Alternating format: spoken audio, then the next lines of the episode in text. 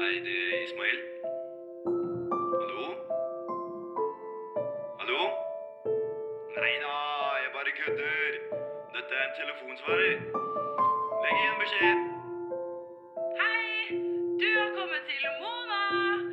Jeg ringer deg tilbake hvis du ikke legger inn en beskjed, da. Pip. Hei, det er Lene. Velkommen til telefonsvareren min. Jeg er nok ute og tuller, så legg igjen en beskjed. Peace. Hei, Johannes her. Siden jeg ikke svarer, vil jeg kanskje ikke snakke med deg. Men du vil kanskje si noe likevel? Kjør på. Gjørv-rapportens kapittel 14.2, side 310. Utover å slå fast at politiet er en sentral aktør i det sivile samfunnets beredskap mot store ulykker, naturkatastrofer og terroranslag, har Justisdepartementet i årene 2009, 2010 og 2011 ikke satt opp noen konkrete mål eller tiltak i tildelingsbrevene rettet mot politietatens beredskap for terror eller håndtering av angrep. Gjørv-rapportens kapittel 12.4, side 294. 22. juli sto politihelikopteret på Gardermoen mens mannskapet avviklet fellesferie. I perioden 11. juli til 7. august. Det eksisterte ingen beredskapsordning for mannskapet i ferien. Tjenesten var feriestengt. Dette var Oslo politidistrikt, Politidirektoratet og Justisdepartementet kjent med. Gjørv-rapportens kapittel 18.1, side 416. Bombeeksplosjonen 22. juli viste hvor sårbar regjeringens sentrale bygningsmasse var. Denne sårbarheten har vært synlig for dem som har hatt ansvaret for sikkerheten og beredskapen i Norge. Gjørv-rapportens kapittel 5.6, side 76. Det er utferdiget nasjonale planverk som regulerer hvordan det skal reageres ved ulike kriser. Det nasjonale planverket består av Sivilt beredskapssystem, SPS, og Beredskapssystemet for Forsvaret, BFF. SPS er både et planleggingsgrunnlag for underliggende beredskapsplaner og et iverksettingssystem for krisehåndtering ved alvorlige kriser i fred, sikkerhetspolitisk krise og krig. SBS med underliggende planer oppdateres jevnlig, og en større gjennomgang ble utført i 2005 og sist revidert i januar 2011. Mona, vær så snill ta telefonen. Rolf sier at det er skyting på Utøya. Hva skjer? Er alt i orden? Ja, kan du være så snill å ringe oss, jenta mi? Altså, hun mamma og jeg, vi er i bilen nå, så vi er på vei. Thomas, det er jo mamma. Herregud, kan du ta telefonen? Vær så snill. Vær så snill, gutten min. Tina, hvor er du? Simon, jeg har lett etter deg. Vi kan ikke være her, vi burde svømme. Shit, han kommer.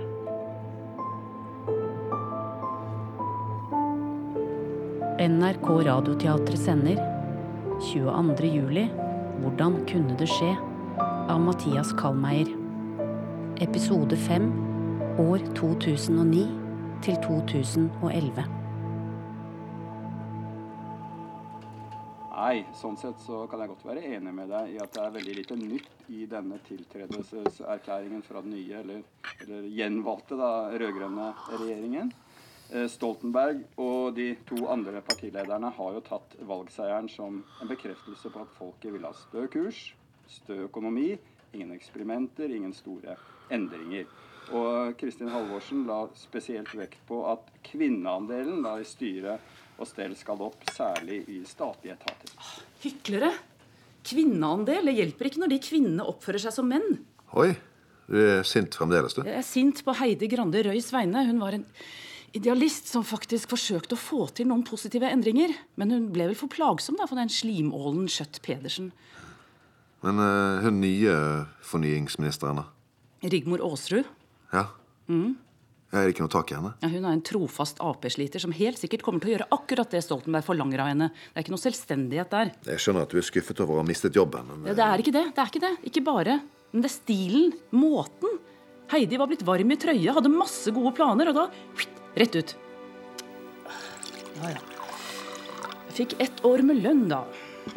Ja, og Du trivdes jo ikke der uansett. Så du, hvor, hvor hvor ser du deg selv i resten av eh, 2009 og inn i 2010? Men Jeg skal gjøre noe nyttig, i hvert fall. Kanskje jobbe med bistand eller en nødhjelpsorganisasjon. Ja, det, det er vel bra. Ja. Jeg tror jeg skal gjøre som Trude. Dra til Etiopia, jobbe mot kjønnslemlestelse. Eller starte mikrofinansbedrifter i New Delhi, kanskje.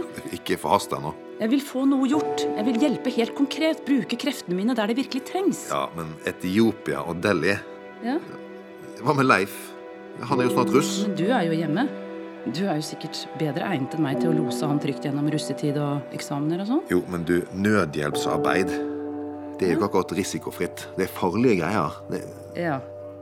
Det var vel kanskje de Nato-oppdragene dine òg, eller? ja, men jeg er jo trent i det.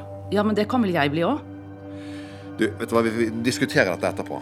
Nå skal jeg møte Tollefsen og få ham til å holde det han har lovet meg før valget. Ja, lykke til med det, du.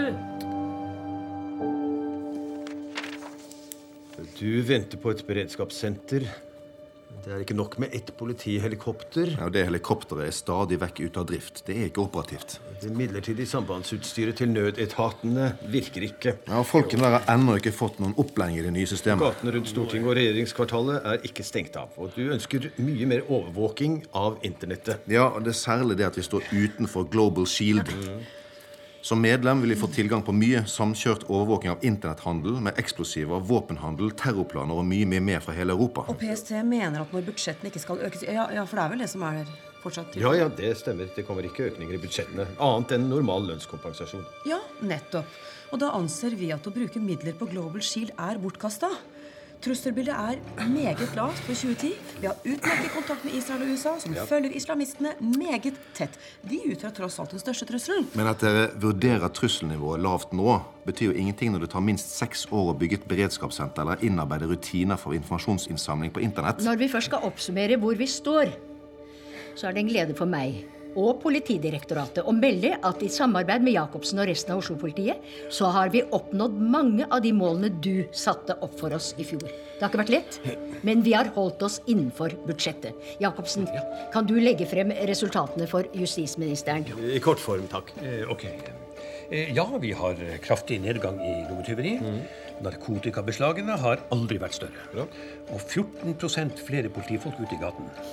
Ja, i det hele tatt så er det mye som peker i riktig retning. Og ikke glem at eh, Politidirektoratet også har fått presset opp kvinneandelen i de ulike ledelsesnivåene i politiet til nesten 50 Dette er jo veldig bra. Så direktoratet ditt begynner virkelig å vise resultater. Takk, vi gjør det vi kan. Men hva betyr det for sikkerheten og kriminalitetsbekjempelsen at det er 50 kvinner i ledelsesnivået? Eller hva betyr det at det er 14 flere politifolk i gatene på tirsdag formiddag når de ikke er der når det trengs? Nå I har jo- helgene. Nå har jo lommetyveriene Hva? blitt færre. Så Lommetyveri det er peanøtter i forhold til hva som må I alle gjøres. fall har Justis- og beredskapsdepartementet nå fått utarbeidet planverk for alle nødetatene, så vi er forberedt på en stor krise eller en terrorhandling. Jo, men planer i seg selv, det Eh. er Ja, Disse planverkene er bygget helt opp etter beredskapskommandoenheten, som over mot hærleder sine krav og ønsker. Vi i departementet har implementert disse krisehåndteringsmanualene i alle landets nødetater. Det høres virkelig bra ut. Men vi har ennå til gode å øve på krisehåndteringen og samkjøringen av etatene. Uten trening så blir planene nettopp bare det. Planer. Men da høres det ut som vi har en plan for hva som bør skje videre. Ja, så takk for møtet. Vent! Unnskyld meg, men hva tenker du at vi skal prioritere nå? Hva syns du? Beredskapssenteret må bli prioritert. Vi må ha et sted å trene politiet som skal ta seg av meget krevende operasjoner. Det har jeg allerede lovet deg at vi skal få en fortgang i. Ja, Og så er det stenging av gatene her i regjeringskvartalet og rundt Stortinget. Det må iverksettes. Det har vi gitt grønt lys til for lenge siden, men øh, hvorfor drøyer det? Det er meget komplisert, men vi jobber med det. Så vidt jeg skjønner, så har det ikke skjedd noen ting med den saken på åtte år. Ja, Det kan vi takke Oslo kommune for. De trenerer alt hele tiden. Kanskje dere bør ta dette direkte opp med ordføreren i Oslo? Nei. Ja, Henrik Ulvik virker handlekraftig. Eh, eh, Det vil jeg på det sterkeste advare mot. Hva, og? Husk at dette med sikkerheten rundt regjeringskvartalet og Stortinget er meget sensitivt. Hva, Nø, jeg skjønner ikke helt. Hvis vi skal ta dette opp direkte med kommunen, så vil jo de få innsyn i en del sensitiv informasjon. Og ingen i rådhuset er sikkerhetsklarert for denne type Mm. Ja, det er informasjon. derfor folkene i Oslo kommune ikke skjønner hvorfor disse gatene må stenges. Det er fordi at de ikke får informasjon om hvor livsviktig dette er. Vi er bare vanlige mennesker, og de kan ikke få tilgang til våre sikkerhetsrutiner og svakheter. Det vil, det vil komme til å røpe det ved uaktsomhet eller noe annet. Derfor er all slik informasjon sikkerhet. sikkerhetsgradert. Ja, men herregud. At de gatene er åpne, er en mye større risiko enn at, de, at noen kan snakke om at de er åpne. Det er fritt frem for terrorister. Dette her høres ikke bra ut. Ehm, Jeg, jeg tar personlig kontakt med Ulvik, og så ser vi hva vi kan få satt i gang. Altså, skal ministeren personlig? Det er ikke vanlig. Nei, det er ikke det, men vi, her trengs det tydeligvis litt ekstra innsats. Ja, men ingen der er sikkerhetsklarert. Ja, Man trenger ikke sikkerhetsklarering for å vite at storting og regjering er terrormål som må beskyttes. Bare vent litt, det er- det er Stoltenberg. Eh, ja, statsminister. De har hva? Neimen, i alle dager Skal, ehm, Ja, de sitter her i konferanse med meg. Ja, ja, ja. ja. Vi skynder oss ut. Ja, alle sammen. Dere forklarte meg at alt var fryd og gammen i politiet, og nå har 12 000 polititjenestemenn lagt ned arbeidet i en og en halv times politisk streik! Det her har ikke jeg hørt noen ting om. Ja, men nå har de altså gjort det! Og han er forba... Hva heter han forbanna lederen av Politiets Fellesforbund? Bjarne Ytrevik. Ja, nå står han der og holder pressekonferanse om hvor dårlig det står til i norsk politi. Bare la han bruke seg. Det går over. Nei, dere skal bli med meg ut. Jeg skal nemlig ta imot et protestskriv undertegnet av samtlige politifolk i landet. Kom igjen, alle sammen. Kom her! Og jeg er helvetes nysgjerrig på hvordan et slikt opprør kan foregå helt uten at dere har den minste peiling. Så det er med tungt hjerte at vi 12 000 tjenestemenn og kvinner i det norske politiet ser oss nødt til å si ifra på denne måten. At vi er underbemanna, og at publikums og vår sikkerhet er trua av manglende opplæring og utstyr. Vi krever rett og slett at samfunnet investerer i et bedre rusta politikorps. Og det er med ingen som helst glede jeg overrekker deg, herr justisminister, disse underskriftene fra politifolk over hele landet. Takk for meg. Eh, takk, Yttervik. Jeg lover at vi tar dette på det største alvor, og vi er i ferd med å snu alle steiner for å gjøre landet vårt tryggere å bo i for alle. Men med det etterslepet Borkenvik etterlot seg, så, så må vi be om litt mer tålmodighet før vi får alt på stell. Men vit at vi jobber med saken. Det blir bedre. Jacobsen, Ørn, Christensen, Aamodt. Dere blir med meg inn på Stortinget. Har du hatt noe med dette å gjøre, Aamodt? Hva? Nei. Jeg er like overrumplet som deg. Er ikke han din beste venn, han Bjarne Ytrevik? Hva insinuerer du? Ingenting. Men dere er vel venner. Det hadde ikke vært så underlig om han hadde nevnt dette for deg. Jeg visste ingenting om den aksjonen. Og vi er ikke venner på den måten. Skal vi tro det? Nok om det. Jeg vil vite hvorfor justissektoren, som har fått de største økningene på alle budsjett, ikke har klart å bygge opp et politi som er kapable til å håndtere oppgavene de er blitt gitt. Ja, men vi blir jo pålagt stadig større og flere oppgaver. Og de nye kravene i beredskapen mot terror er veldig kostnadskrevende. Bare helikoptre, Nok om det også. Dere kan ikke skylde alt på Aamodt. Jeg vil ha forbedringer her. Jeg kan ikke ha et politikorps i streik. Det er ulovlig for politifolk å streike. Og hvem skal arrestere dem for det? Vi får sette oss ned og se på prioriteringen igjen, da. Men fort! Dette skal ikke gjenta seg. Hva i helvete er det du har stelt i stand her, Bjørne? Politisk streik? Politiet i uniform? Ja, Det er faen meg aldri trodd jeg skulle se. Sterkt, ikke sant? Du skulle sett trynet på Tollefsen da Stoltenberg ringte. Jævlig bra jobba, Bjarne. Ja, takk skal du ha, Nå håper jeg de hører på oss. Nå fikk de vel fart i revet, tenker jeg. Jo, det kan virke dette her. Forhåpentligvis blir det flere midler til praktisk politiarbeid og ikke bare byråkrati. Ja, Kanskje du får ekstra midler til beredskapssenteret ditt? Ja, kanskje det. Ja, I så fall har jeg gjort deg en kjempetjeneste, ikke sant? Øren ymtet frempå at du og jeg hadde planlagt dette sammen. Og Jeg vil bare være helt klar på at du har gjort dette helt uten at jeg har påvirket deg til det.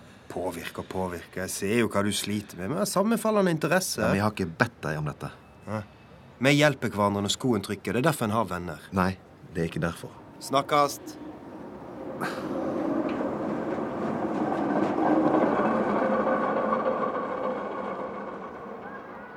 Falafel? Ja, Har vi fått med oss alt vi trenger nå, da? Ja, Ifølge Amiras oppskrift, så. Det får sikkert mamma i bedre humør. tror Ja, du ikke? bare ikke snakk for mye om politikk, da. Nei, men Jeg kan ikke slutte å snakke om AUF bare fordi mamma er sur på Stoltenberg. Du er sur på Stoltenberg, jeg òg. Ja, men du skjønner hva jeg mener. da. Amira og jeg er ikke sånn som glemmer det viktigste. Og det er Miljø og redusering av ikke-skattbar kapital. Det høres bra ut. Kanskje det håper deg likevel. Du, ikke det der eh, Jo, det, det er Tore. Hvordan er det med han og steroider for tiden? Jeg tror han roa seg ned ganske greit etter at du dunka til ham. Du skremte ham skikkelig. Leif, det er ikke noe jeg er stolt av, altså. Ja, hva er det han har på seg? Han har begynt å gå med sånne liksom-uniformer. Liksom Jeg orker ikke å snakke med han lenger. Vi krysser gaten. Hva er det? Karnevalsuniform, eller? Han sitter og skriver masse piss på bloggen sin for tiden om at han er blitt ridder av en eller annen orden. Frimurer? Nei, nei. eh, nei, det er noe annet. Jeg, nei, det er bare tull. Jeg husker ikke hva det er. Hva driver han med, da? Jeg trodde han ble internettgründer eller noe. Jo, jo, det ble han, og det gikk jo bra, det. Men så var det noe ulovlig han drev på med, da. Og så gikk han konkurs og flytta hjem igjen. Er han politisk aktiv ennå? Nei. Han ble kasta ut av FPU, og nå sitter han bare hjemme hele dagen og gamer WoW. Vov? Ja. Som i Nei, som i World of Warcraft. Han var helt hekta. Og du, da? Ja, jeg spiller litt, men uansett når på døgnet jeg er på, så er Tore der også. Ja. Han så ganske gusten ut. Ja, han har faktisk tatt en ansiktsløftning også. Han er jo bare guttungen, da. Ja, han har masse komplekser, da. Han håpet vel at det skulle hjelpe. Stakkars fyren. Det er jo egentlig veldig trist. Han burde fått hjelp. Skal vi se. Så slik står altså saken. Har du noen spørsmål, Ulvik? Eh, Ja, eh, det er klart jeg skjønner ønsket om stenging av gatene. eh, Mm. Men vi i Høyre gikk til valget på Åpen by-prosjektet. Eh, Fjordbyen har vi fått gjennomført, og da kan vi ikke godt begynne å stenge gater helt vilkårlig bare fordi dere ønsker det. Ja, Vi har noen andre grunner også. Jo, men hva med nærhet til demokratiets høyborger? Tar seg virkelig ikke ut at politikere og byråkrater murer seg inne. Det burde være åpent og tilgjengelig. Eh, Så er det selvfølgelig masse praktiske problemer med å stenge de gatene, så som bussruter, fremkommelighet for brann, eh, sykebiler Ja, men sånn- sånt lar seg løse, Ulvik. Vi kan bygge bommer som rutetransporten skal kunne åpne. Ja, ja. Så er det noe jeg forstår har vært diskutert lenge mellom samferdselskomiteen i Rådhuset og Øren her, og det er hvem som skal betale disse bommene og alt utstyret som må følge med. Så det har kommet til økonomien i dette. eller Det, det er jo noe. Vi begynner som regel med spørsmål om hvem som skal betale. Det pleier å klargjøre det meste. Eller forsinke det meste. Hør, Ulvik. Ifølge PST og min sikkerhetsgruppe, Statens sikkerhetstjeneste, Direktoratet for nasjonal beredskap, Forsvarets etterretningstjeneste, regjeringens livvakttjeneste og noen flere instanser, så er scenarioet der en bil med sprengstoff kjører inn til en knutepunktsinstitusjon og sprenger hele bygget i luften, det aller mest sannsynlige terrorhandlingen i alle store europeiske byer. Her i Norge så har vi en naiv tiltro til at det ikke kan skje, men det kan det. Vi kan ikke fortsette med å stå helt uten sikkerhetsforanstaltninger. Jo, men jeg ser jo også Hvilken tilbakemelding vil byrådet i Oslo få fra folk, tror du, når noen klarer å sprenge regjeringskvartalet i luften fordi de kunne kjøre bomben sin helt inn til døren? Vi håper jo ikke at det skal skje. Nettopp. Mitt poeng. Det er ganske mye som må ordnes. Da. Det er jo mange som blir involvert. Det er et uttrykt ønske fra regjeringen om at dette blir ordnet fort. Ja, eh, det skal ikke stå på oss i Oslo kommune i alle Det er fall. bra. Eh, Takk for et fint og oppklarende møte. Ja. Da holder vi kontakten. Og takk for din gode innstilling. Da setter sekretærene våre seg i kontakt med hverandre og finner tid til et preliminært møte om hvordan vi skal fordele utgiftene, og så setter vi ned et Ja, samarbeidsutvalg. jeg tror ikke Justis- og beredskapsdepartementet skal være heftet med dette prosjektet. Vi Hva? flytter det over til Fornyingsdepartementet. Nei, men Der har de jo ikke greie på det, disse sakene. Bare. Nei, men eh, du har også hatt noen år på deg allerede uten at det har skjedd stort. Eh, Rigmor Aasrud får nok farten opp på dette. Ja, men Tenk på alt eh, forarbeidet som er gjort her i departementet. da. eh, Ja, det bør du sende over til Fornyingsdepartementet. De får sikkert bruk for det. Eh, Vil du sitte på med meg til PST sin årlige trusselvurderingspressekonferanse? Håvard? Ja takk. Gjerne. Trusselnivået var vurdert lavt i foregående år, og det viste seg å være en riktig vurdering. Når vi i PST ikke ser noen grunn til å høyne trusselnivået for 2010, så er det fordi det ikke ble begått terrorhandlinger på europeisk jord i hele 2009 av islamske terrorister.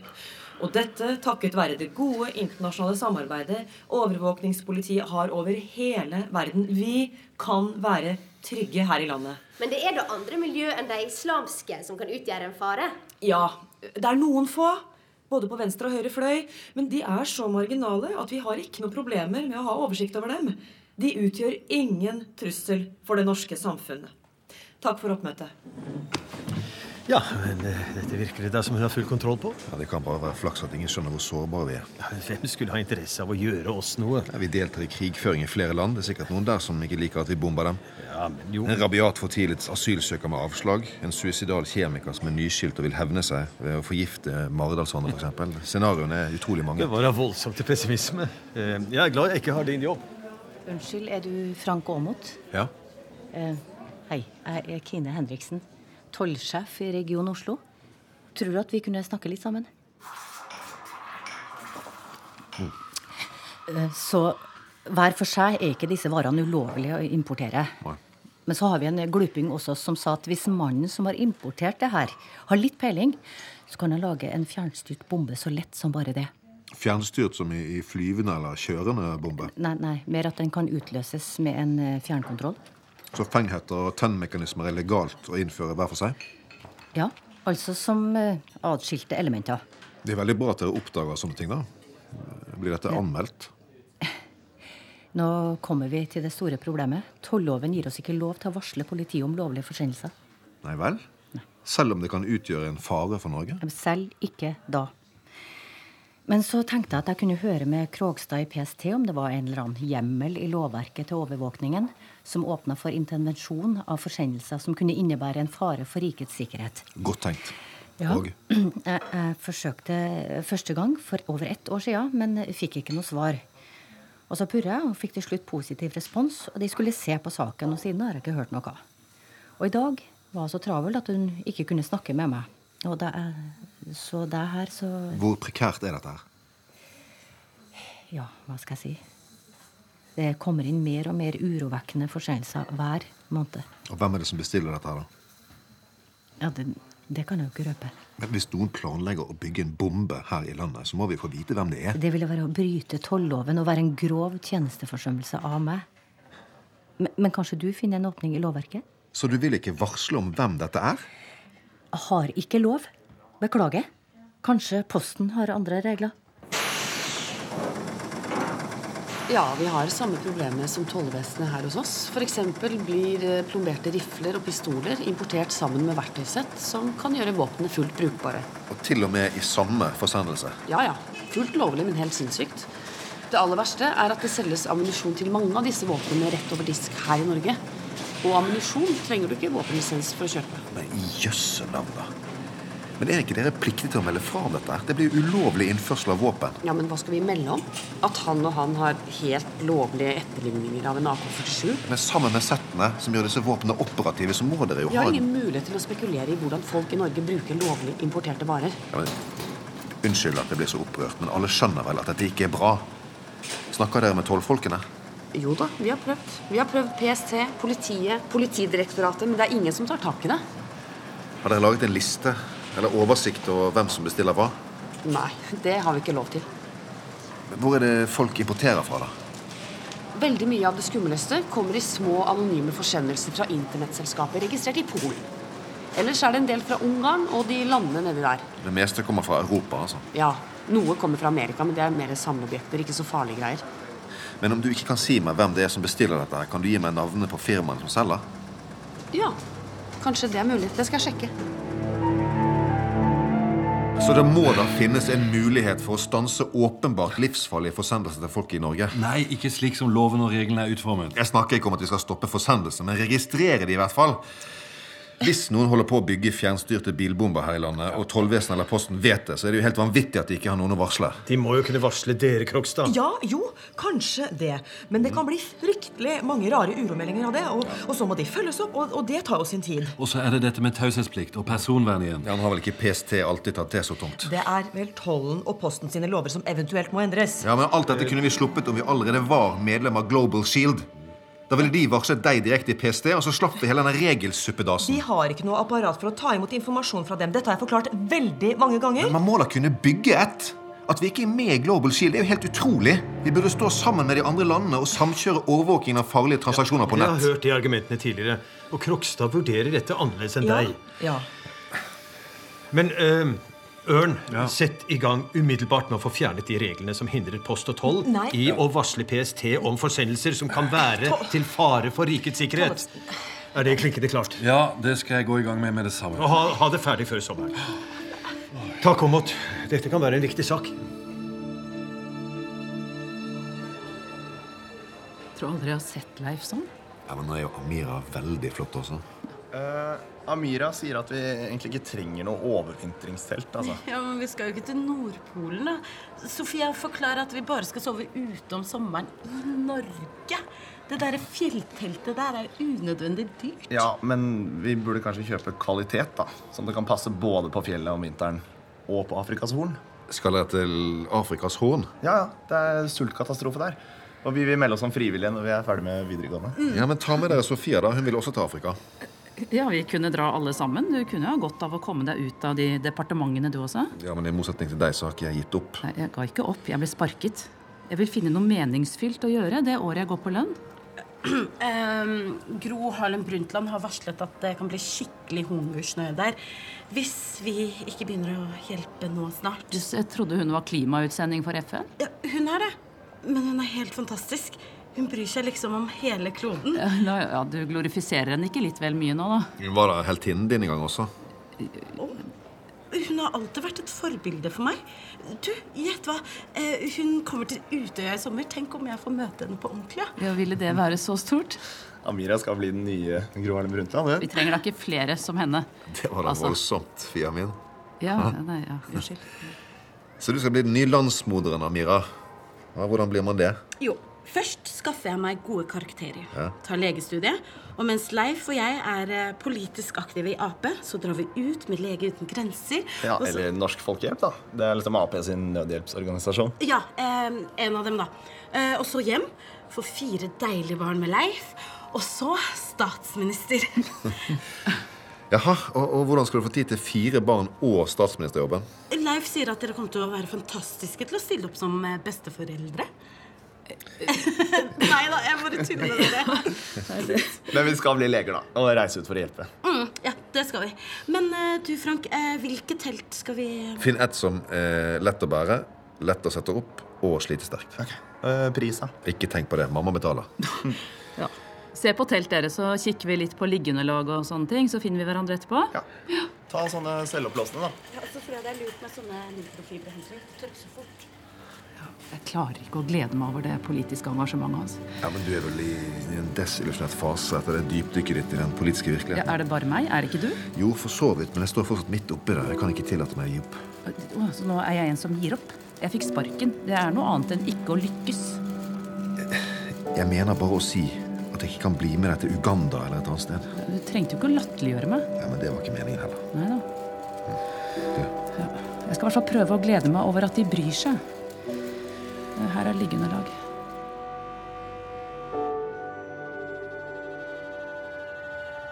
Ja, så man kan jo bli avhengig av en sånn utsikt på jobben. Havnen her er blitt veldig fin.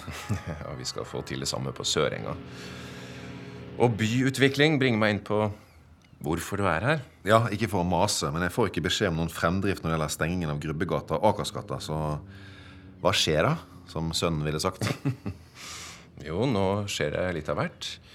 Vi i kommunen har samkjørt alle etatene og utvalgene i Oslo. Innhentet uttalelse fra ø, overalt. Det er ikke dårlig, bare det. Nei da. Og vi er klare for å gå i konkret planlegging sammen med departementene i Grubbegata. Ja vel. Sent, men godt. Det er ikke oss det står på. Vi henvender oss stadig til Justis- og beredskapsdepartementet, men de svarer som regel ikke. Og de har ikke møtt opp på et eneste fellesmøte om dette her heller. Men hvem er det dere kontakter, da? Ja, sjefen for departementet, justisråden. Aha. Men det er jo ikke han som er ansvarlig lenger. Hele saken ble flyttet til Fornyingsdepartementet. Det er over et år siden. Ja, Det hadde jo vært kjekt å vite. Ikke rart vi ikke får fremdrift når vi henvender oss til feil departement. Ja, Men dere skulle selvfølgelig blitt informert. Ja, det blir vi kanskje nå, da. Du kan ikke laste meg for dette. I ett år har de prøvd å komme i kontakt med dere. Og så får de ikke engang beskjed om at saken er flyttet til Fornyingsdepartementet. Det er referatskriverne sitt ansvar å videreformidle de beslutninger som berører eller Ikke- påvirker andre ikke- etater eller departementer. Jeg kan jo ikke finlese alle referater, hvilket som står på kopi, på hvert eneste møtereferat i dette departementet. Nei, men det er uansett ditt ansvarsområde. Det burde stått i referatet fra møtet at ansvaret for denne gatestengningen var overført til Fornyingsdepartementet. Er du sikker på at ordførerens kontor ikke har fått en e-post om det? Jeg har akkurat vært der, og ordføreren sier at han ikke har fått det. Det er merkelig. Uansett så burde jo Fornyingsdepartementet bedt om å få sakspapirene oversendt. Altså, De har heller ikke fått saken oversendt. Det er ett år siden vi bestemte at de skulle ha ansvaret. Når et departement skal overta en sak fra et annet departement, så må det overtagende departementet hente ut sakspapirene i databanken. Ja, Hvis det nye departementet overhodet er blitt informert om at de har fått saken, da. Selvfølgelig. Men disse dokumentene ble hemmeligstemplet. Og da må de i Fornyingsdepartementet ha sikkerhetsklarering for å få de ut. og da faen må meg gi deg. PST sikkerhetsklære de først, og det er ikke bare bare. Dette er komplett galskap. En annen metode er selvfølgelig at PST og politiet nedgraderer saksdokumentene. og På den måten unngår vi dette med sikkerhetsklarering. Men deklassifisering av dokumenter er heller ikke noe lett sak. Nei, det skal du faen salte meg fra meg til å tro. Nå sender du alle dokumentene over til Rigmor Aasrud umiddelbart. Hun må da ha sikkerhetsklarering god nok, så avgjør hun selv hva som må nedgraderes eller ikke. Det er ikke sånn det foregår. Det er ingen hemmeligheter i de papirene, for helvete! Nå får du de over med en jævla gang.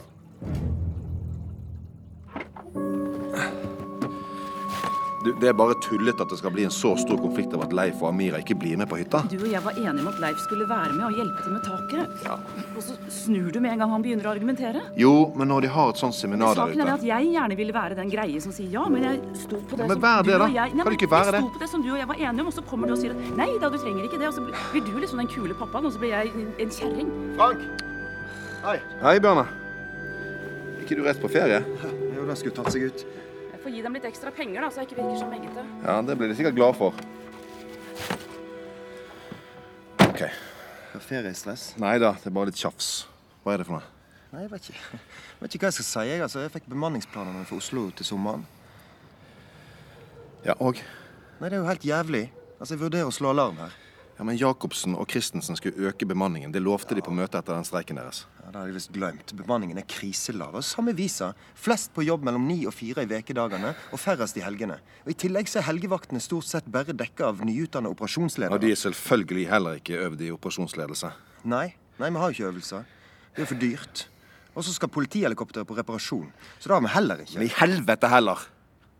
Det var jo akkurat dette vi ikke skulle. Jeg skal se hva jeg kan gjøre. Er det folk i departementet her fremdeles? Alle har vel ikke reist. Ha det fint, Leif. Ja. Hvis du blir her, så eksploderer vel Sofia. Jeg stikker, jeg. Ring meg, da. God sommer, Sofia. Ja, god sommer, Bjarne. Ja, du eh, ja, Jeg kan ikke dra på hytta. Nei vel? Jeg beklager. Ja. Gi meg bilnøkkelen, da. Skal du dra uten meg? Hvorfor ikke? Nei eh, Her. Ha det bra.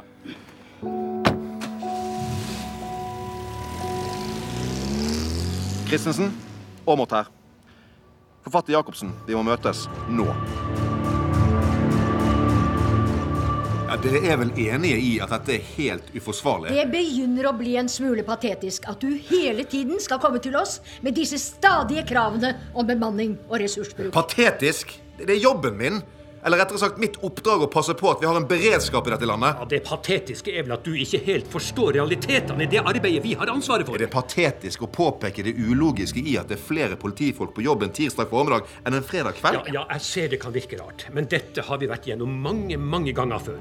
Folk vil ikke ha helgevakta. Folk forlanger avvikling av ferie i fellesferien, så de kan være sammen med ungene sine. Jeg har ikke lov til å pålegge noen overtid, og ingen gjør det frivillig fordi det ikke gir mer penger. Det må tas ut som avspasering. Og da får jeg jo enda færre tjenestemenn å sette inn på vaktlisten. Men Christensen, med fare for å virke enda mer patetisk, alle er enige om at denne bemanningen er for lav. Ja, ideelt sett skulle man vel kunne ønske seg en bedre ressurssituasjon. Og vi er enige om at det er dumt å ikke ha et operativt politihelikopter.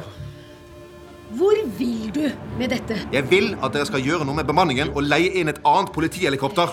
Sette erfarne operasjonsledere på vakt i helgene og passe på at det er politi på jobb når sjansen for at noe går galt, er størst. Altså, Vi har gjort disse prioriteringene i samråd med PST.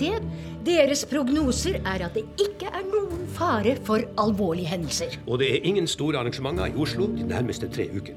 Vi trenger mannskapene mer i august enn nå i juli. Så når dere nekter å gjøre noe med denne håpløse bemanningen, hva mener dere at jeg skal gjøre da? Skal jeg slå alarm? Skal jeg ringe Tollefsen? Skal jeg gå til pressen? Hvorfor ikke gjøre det opplagt, Aamodt? Ta ferie! Ta med en øl til meg, eh, er du grei. 04 eller 06? 06. Tjener det, herr Berg. Hvordan står det til? Jo, Oh, tack, det är bra. Du själv? Jeg kan ikke annet enn å klage. Men eh, hva kan jeg gjøre for deg? Inte så mycket för mig, men vi på Global Shield snappar ju upp så mycket konstigheter och nu är det något som oroar oss här. Ja vel, hva da? Vi spanar på en del svartlistade firmor som säljer material till bomber och vapensystem och sånt du, ja, du fattar. Ja, altså på postordre. Ja, just det. Särskilt från Östeuropa. Och nu har det tydligen skickats en del farligt material till Norge på sistone. Ok, og det er grunn til bekymring, mener du? Ja, visst. Så, ja, vi har försökt varsla PST, men vi får inget svar. Vær så god. Ja, takk. Ja, nu undrar vi om vi överhuvudtaget har kontakt med dem, eller vad, vad är det som händer? Ja, det høres merkelig ut. De svarer dere ikke? Nej, inte ett pip. Nei, Jeg skal sjekke ut hva som har skjedd. jeg. De har antageligvis for mye å gjøre. I Norge? Ja, det var bra. Ja, Jeg kan bare beklage, Håkan. Jeg skal undersøke og ta tak i det. Fint. Vi hörs. Hej. Ok.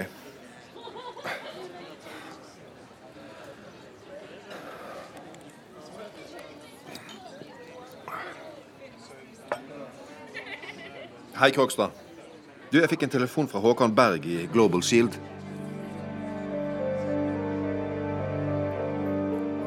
Ja, her har du det trivelig, skjønner jeg. Hva gjelder det?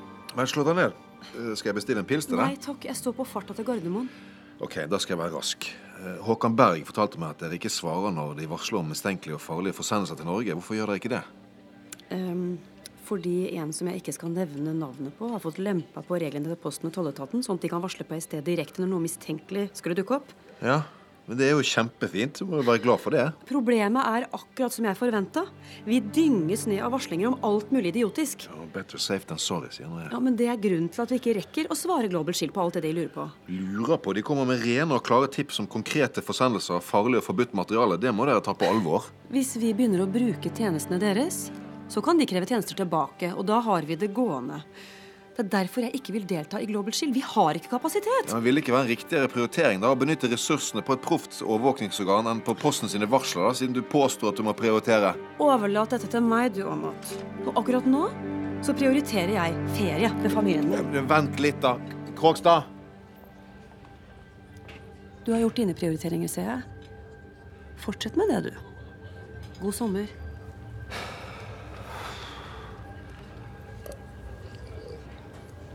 Dette er 93 21 88 65. Departementsråden er på ferie fra 17. juli til 9. august. Takk. Få en sånn 06 til. Hei, dette er justisminister Tollefsens tjenestetelefon. Jeg er på ferie til og med 28. juli, men svarer sporadisk på SMS en gang i august. Jeg burde bare dra på ferie, jeg òg. Vær så god. Takk. Ja, men hei igjen, Håkan. Savner du meg allerede? Ja, det är din charm, du vet. Nej, men allvarligt, det har dykt upp något underligt här. Ja, det har vel det. Vad har du för hemadress? Skøyenalén 34. Hvordan det? Ja, eller hur? Jo, förstår du. Det har beställts en ASG Glock och en k-pist i din adress. Det er en ekte maskinpistol. Ja, eller alltså det är en replika, men det har beställts en eh, tillsats som gör replikan fullt operativ. Til, til min adresse. Ja, men det, det är inte ditt namn. Det är till en Vera Langvik. Känner du till henne? Ja, for faen. Ja, hon har beställt tändhattar och fjärrutlösare också. Helvete. Takk, Håkan. Jeg skal sjekke det opp med en gang. Hei så lenge. Hvem er det? Det er Frank.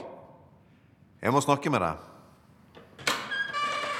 Og jeg som var i ferd med å kle av meg for å legge meg i badekaret. Du, kan jeg komme inn? Ja, bare kom du. Ja, vil du ha en drink? Er Tore hjemme? Nei, vi er helt alene. Vet du hvor han er? Nei, han forteller aldri meg noe. Is? Nei takk. Vet du at han har drevet og bestilt våpen til denne adressen? Og? Ja, det kommer stadig vekk pakker som han må hente på posten. og Ikke vet jeg hva alt er. Han har jo alltid vært opptatt av skyting og sånn som det. Her. Ja, takk. Ja, det er kanskje kommet litt flere pakker etter han ble medlem av den pistolklubben. Skål. Skål. Pistolklubb. Er det lenge siden? Ja, et år eller noe. Men du, Mm. må vi snakke om Tore hele tida? Slå deg ned. Du virker så stressa. Vil du ha litt massasje?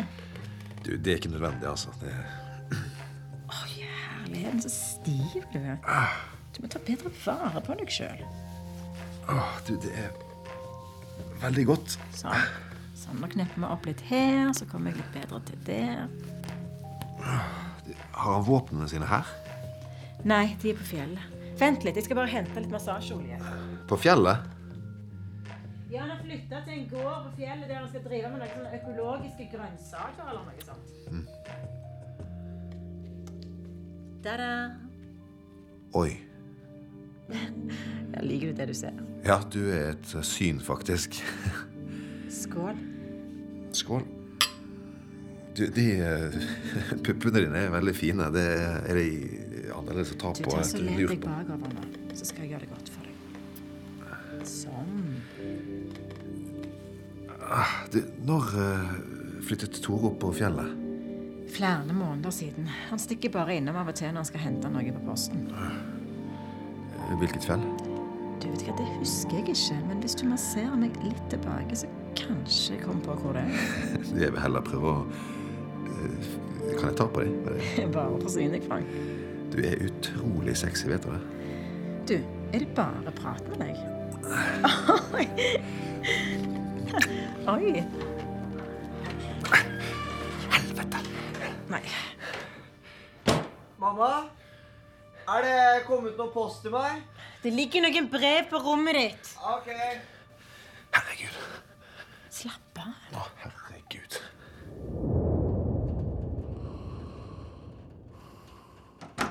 Pappa, Hæ? du må stå opp. Hvorfor det? Ah. Eh, Du skal kjøre oss til Utøya. Fort deg, ellers så kommer vi for seint. Du, gidder du lage en kopp sterk kaffe til meg? Det skal jeg. Og så finner du nøkkelen til bilen på knaggen. Ja. Du laster opp telt og Ja, ja. ryggsekker og alt. Jeg skal gjøre det, men skynd deg. Ja, Vi må vel innom og hente Amira om? må vi ikke? Nei, nei, hun er her allerede. Ja, Har hun pakket, da? Hun har pakket. Alt er klart. Ok, fint. Ja, jeg må ta en rask dusj. Ja. Det høres ut som en god plan. Ok. Han kommer nå. Vi rekker det helt fint. eh, Det største blir når Gro har en Brundtland kom på fredag.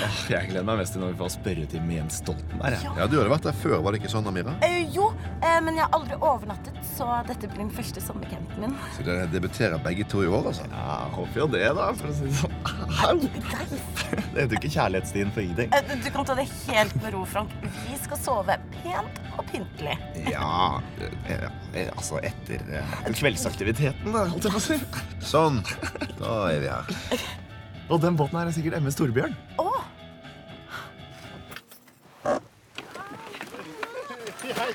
Ja, det tror jeg var alt. Tusen takk for turen. Det var veldig snilt av deg. Ja, for det er nok varmt tøy. Det er dårlig værmelding hele uken. Ja, Sikkert altfor mye. Ja, men sånn myggspray, da. Det er sikkert Vi har alt, pappa. Takk for kjøringa. Kom, de vil ha oss om bord. Ha det bra, Frank. Vi ses om en uke. Hils Sofie. Ja, ha det fint, Amira. Vent litt, Leif. Ja, båten går nå Du, du, du, Leif, du skal oppføre deg som en gentleman mot han, ikke sant? Ja, selvfølgelig. Hun bare later som at hun ikke vil når du hører på. Jeg kjøpte noen kondomer. Vet du hva? Du er best, pappa. Men jeg har selv. Så det kan nok gå greit. Du er en bra mann, gutten min. Ha det skikkelig fint nå, da. Sant? Hils mamma masse, da. Kan ikke dere gjøre noe hyggelig sammen, dere to? Ja! Lykke til med hyttetaka. Jo, takk skal du ha. Ha det! Ha det!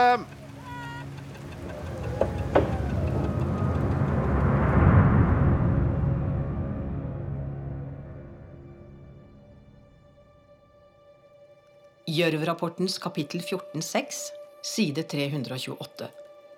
Studien fra 2008 som ble utarbeidet for politimesteren i Oslo, viste at det var et sprik mellom når det var etterspørsel etter polititjenester, og når politiet faktisk var på jobb. Det var flest politi på hverdagene når behovet var lavest, og færrest i helgene når behovet var størst. Studien viste også at de som var på jobb i helgene, typisk var yngre, hadde mindre erfaring enn de som arbeidet i kontortiden hverdager. Det var flest på jobb tidlig tirsdag ettermiddag. Gjørv-rapportens kapittel 16.4, side 385.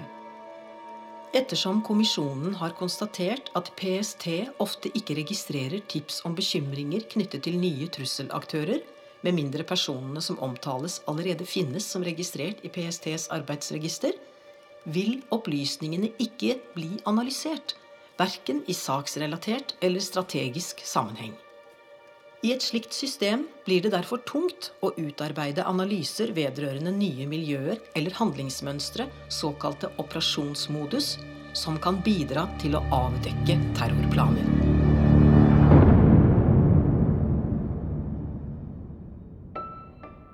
I rollene møtte du Frank Aamodt, Kyrre Haugen Sydnes, Sofia Schultz, Anne Rygg, Leif Schultz Aamodt, Scott Maurstad, Tore Langvik, Jonas Strand Gravli, Vera Langvik, Selome Emne 2, Bjarne Ytrevik, Morten Svartveit, departementsråd Guttorm Øren, Henrik Rafaelsen, politidirektør Katrine Christensen, Anne Marie Ottersen, politimester Svein Jacobsen, Nils Jonsson, justisminister Tollefsen, Johannes Joner, PST-sjef Sissel Krogstad, Heidi Gjermundsen Broch, ordfører i Oslo Henrik Ulvik, Ola G. Furuseth, Amira, Judy Niambura Karanja, Håkan Berg, Jesper Malm, Gjørv-kommisjonens rapportleser Ingrid Vollan, journalist Kjersti Botten Sandal, tollsjef Ingunn Beate Øyen, postsjef Kikki Stormo.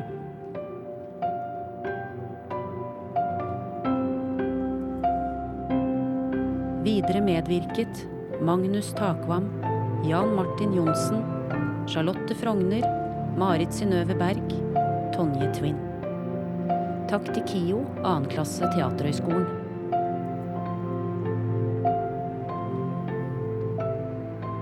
Musikk Jane Kelly og Sindre Hotvedt. Lyddesign Richard Strømsodd. Medforfatter Marianne Hoff Engesland. Dramaturg Gunhild Nymoen. Produsent Øystein Kjennerud. Manus og regi Mathias Kallmeier.